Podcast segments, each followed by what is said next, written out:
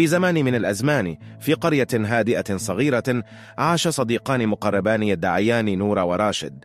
في كل ليلة كانا يجلسان تحت نجوم وإمعة ويشاركان بعضهما قصص يومهما لكن في إحدى الأمسيات حدث شيء غير عادي. بينما كانا ينظران إلى السماء اجتاحت نجمة ساطعة السماء متركة وراءها ذيلا من غبار النجوم المتلألئ. أماني نور وراشد بأمانيهما في نفس الوقت. أمنيتي هي مغامرة سحرية أمنت نورا أمنيتي هي رحلة إلى أرض من العجائب أمن راشد لم يكونا يعلمان أن أمانيهما سمعتها جنية سحرية تدعى لومينا. ظهرت أمامهم بابتسامة متلألئة.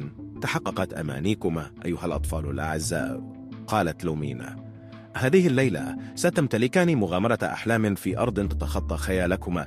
استغرق الأمر نورا وراشد إلى النوم متحمسين وبينما أغلقوا أعينهم وجدوا أنفسهما واقفين في مرج خلاب مليء بالزهور التي تتوهج في ضوء القمر. الهواء كان عطرا والنجوم أعلى كانت مثل فوانيس صغيرة تنير الليل. ظهرت لومين مرة أخرى وهذه المرة كمرشدان. مرحبا بكما في أرض الأحلام ألست. هنا يتحقق خيالكما ويأتي إلى الحياة. بإرشاد من لومينا. حلق نورا وراشد عبر السماء على ظهور مخلوقات طائرة وديعة.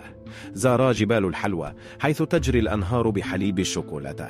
ورقصا مع حيوانات تتكلم في الغابات المسحورة.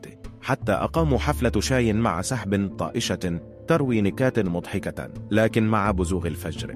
قالت لهم لومينا إن مغامرتهما قد اقتربت من نهايتها. حان وقت العودة. قالت بلطف بصعوبة قال نور وراشد وداعا للعالم السحري واستيقظا في أسرتيهما المريحتين.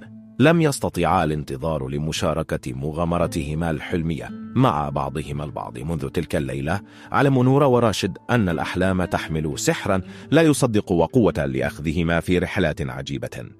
لم يتوقفا عن مشاركة قصصهما تحت سماء النجوم. عالمين بأن أحلامهما قد تتحقق حتى وإن كان ذلك فقط في عالم الأحلام. وهكذا بقلوب مليئة بالدهشة غطوا نورا وراشد على النوم كل ليلة. متحمسين للانطلاق في مغامرات جديدة في أرض الأحلام مرة أخرى.